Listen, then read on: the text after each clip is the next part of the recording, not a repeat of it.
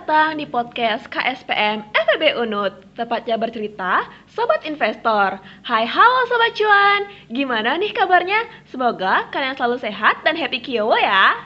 Nggak kerasa ya, kali ini kita hadir lagi untuk nemenin malam minggu kalian di segmen In Tips Informasi dan tips pasar modal.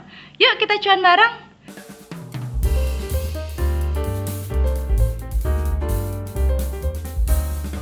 So pasti segmen ini bakalan seru banget loh So pasti dong, buat sobat cuan di rumah yang malam minggunya sendirian aja, daripada jadi sad boy atau sad girl, mendingan cus dengerin podcast kita. Dijamin malam minggu kalian bakal lebih indah dan seru deh, karena kita bakalan kasih info-info menarik.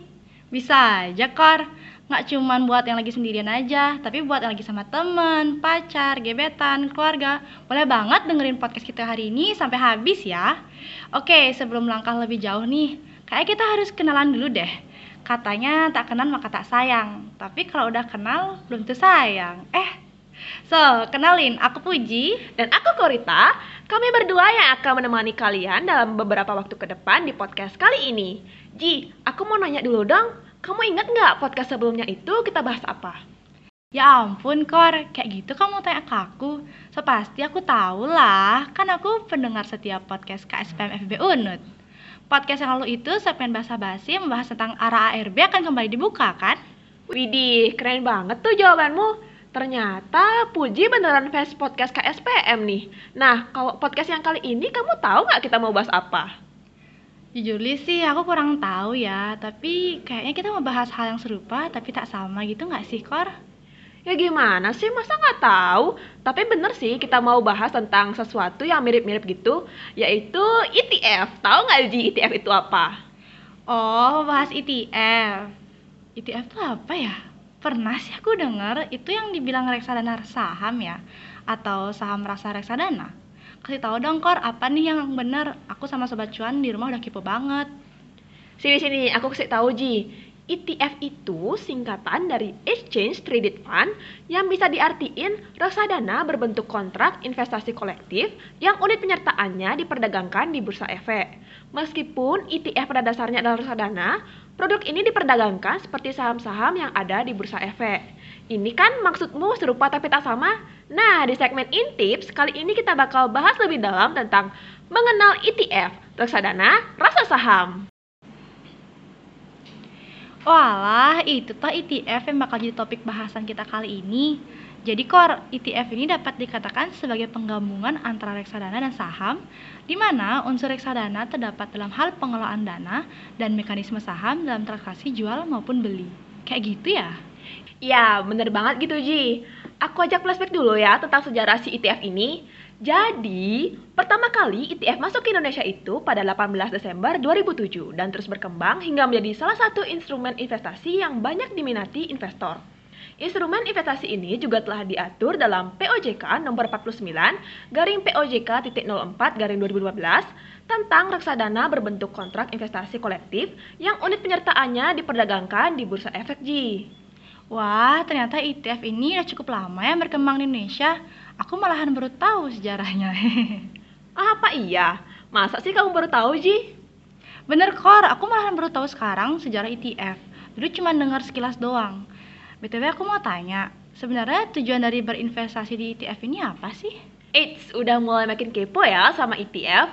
Jadi Ji, sejatinya tujuan dari berinvestasi ETF itu adalah diversifikasi secara otomatis atas beberapa saham unggulan dalam sekali order dan memanfaatkan fleksibilitas jual beli yang tinggi karena dapat langsung melakukan pembelian maupun penjualan ETF selama jam bursa berlangsung selayaknya saham Ji.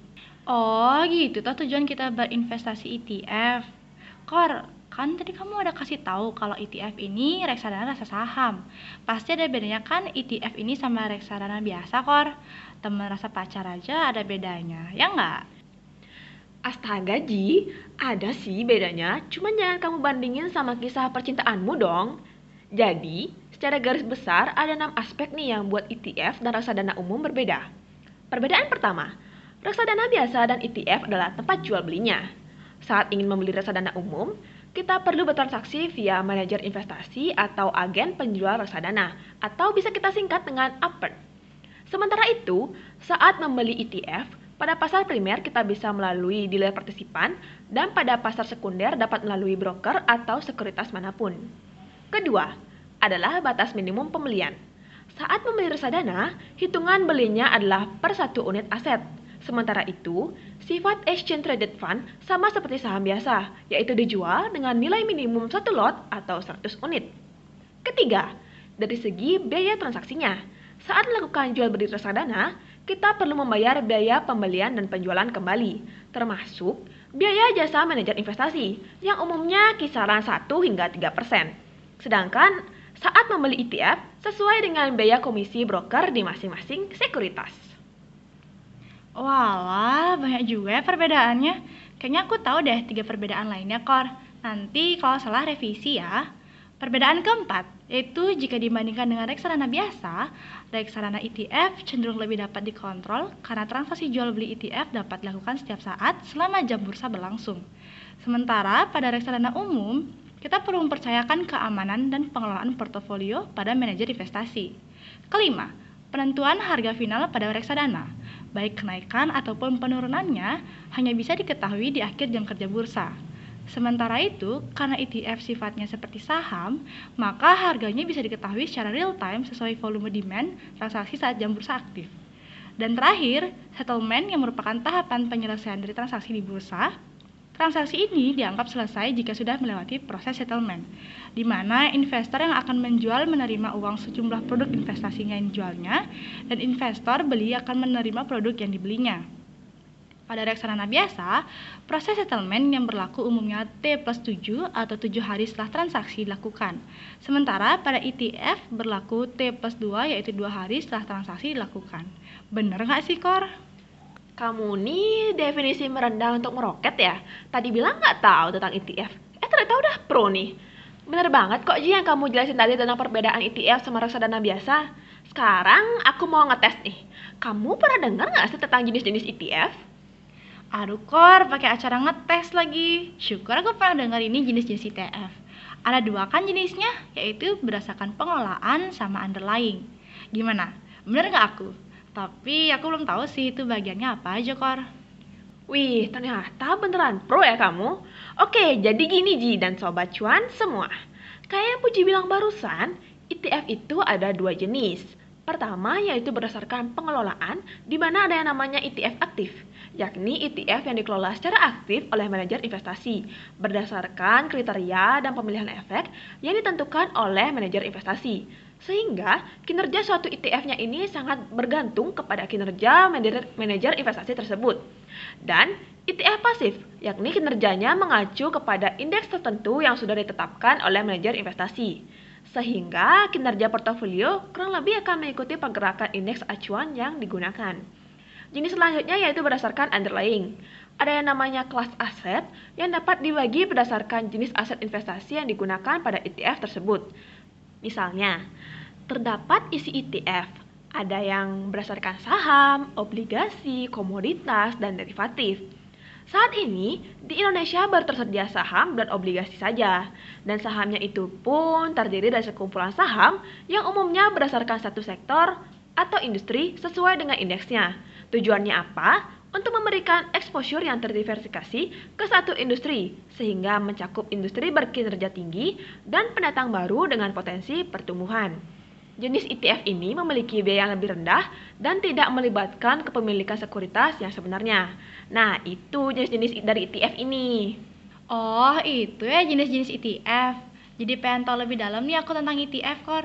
Kalau mau transaksi ETF itu caranya gimana sih? Spill dong mekanismenya. Aku yakin sobat cuan di rumah juga pada kepo tentang proses jual beli ETF setelah disinggung beberapa hal tentang ETF tadi. Mana? Sini aku spill mekanisme transaksi Exchange Traded Fund atau ETF ini. Sebelum itu, disclaimer dulu ya kalau proses jual beli ETF adalah transaksi yang diawasi oleh tiga lembaga sekaligus, yaitu OJK, BEI, dan KSEI. Sehingga kita nggak usah khawatir akan keamanan dan kredibilitasnya. Transaksi jual beli ETF ini bisa kita lakukan dengan dua cara, yaitu melalui pasar primer dan juga pasar sekunder. Di pasar primer, Investor membeli dan menjual kembali unit penyertaannya kepada manajer investasi dalam satuan unit kreasi. Satu unit kreasi setara dengan 1000 lot atau 100.000 unit penyertaan. Mekanisme ini berlaku untuk transaksi yang nominalnya besar. Sedikit berbeda dengan harga pertama reksadana yang selalu dimulai dari 1000, harga pertama ETF bisa dimulai pada harga berapapun. Umumnya, manajer investasi akan membuat harga pertama reksadana sama dengan indeks acuan, sehingga memudahkan pemantauan perbandingan dengan indeks acuan. Sedangkan, pada pasar sekunder, investor dapat membeli dan menjual unit penyertaan ETF dalam satuan lot. Satu lot setara dengan 100 unit penyertaan melalui Bursa Efek Indonesia. Transaksi ini dikhususkan kepada investor retail yang nilai transaksinya relatif lebih kecil. Dengan kata lain, investor membeli ETF tidak dari manajer investasi, akan tetapi dari investor lain yang memiliki ETF pada harga dan jumlah yang disepakati.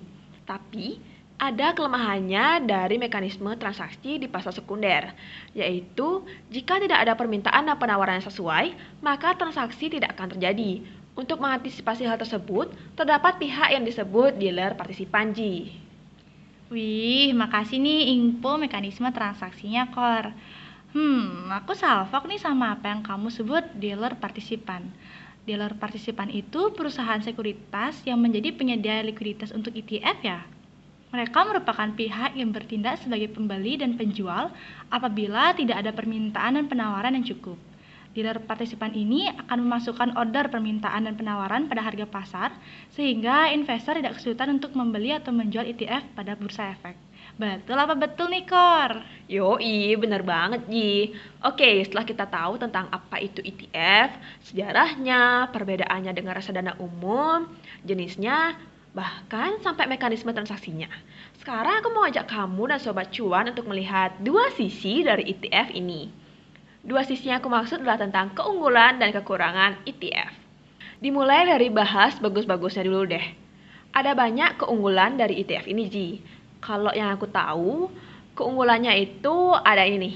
Yang pertama, ETF adalah proses pembeliannya yang lebih mudah karena bisa langsung via broker tanpa perlu melalui manajer investasi dan dealer persipan.